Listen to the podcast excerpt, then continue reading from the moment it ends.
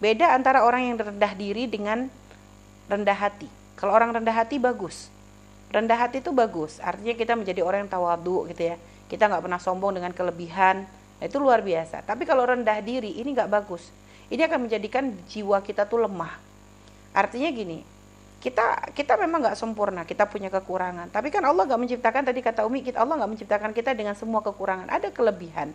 Dan sebenarnya kadang was-was kita di dalam bersikap itu itu adalah buah dari kesuudonan kita kepada orang lain. Sehingga kadang kita tuh selalu negatif thinking. Jadi kita kadang begini kita udah mikirnya jelek. Wah, jangan-jangan nanti dia begini ke saya. Jadi kadang belum kejadian padahal. Kita misalnya mau ngasih mau ngasih apa gitu ke teman, ah nanti saya dibilang cari muka. Kita nanti mau ngomong, ah nanti saya dibilang begini. Lah ini kan sebenarnya permasalahan di hati kita. Menjadi sebab kita susah untuk bersikap tuh karena kita kadang sudah negatif thinking duluan di hati kita. Jadilah diri kita apa adanya. Jadilah diri kita apa adanya, nggak usah dibuat-buat di dalam persahabatan, tapi berupaya untuk menjadi baik harus gitu ya. Artinya kita punya panduan dari apa yang dalam persahabatannya Nabi dengan dengan para sahabat itu adalah suatu persahabatan yang luar biasa indah. Semuanya selalu berpikir yang terbaik untuk sahabatnya. Itulah sebenarnya dari situ kita bisa belajar bagaimana sih persahabatan yang sesungguhnya itu. Coba kita belajar dari kisah-kisah Nabi Muhammad SAW dengan semua sahabatnya itu gimana.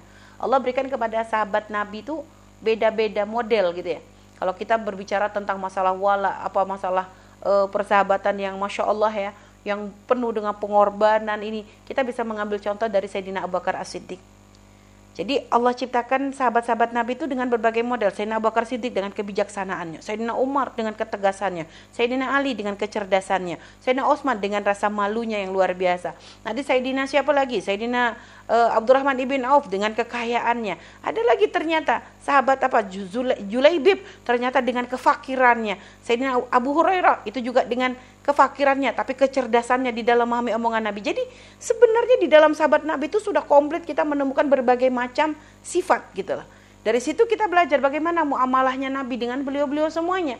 Maka itulah menjadi patokan kita gitu ya untuk bagaimana kita itu bisa bersikap dengan sahabat yang lain. Maka tadi untuk menghilangkan was-was di hati kita ya, hilangkan prasangka buruk kita kepada orang lain. Jangan mikir nanti si fulan begini nanti begini. Yang penting kita melakukan hal baik. Apakah kebaikan kita diterima atau tidak? Itu bukan dosa kita pikirin lagi. Yang penting saya melakukan hal baik begitu loh. Jadi percaya dirilah kita dengan hal yang baik yang kita lakukan.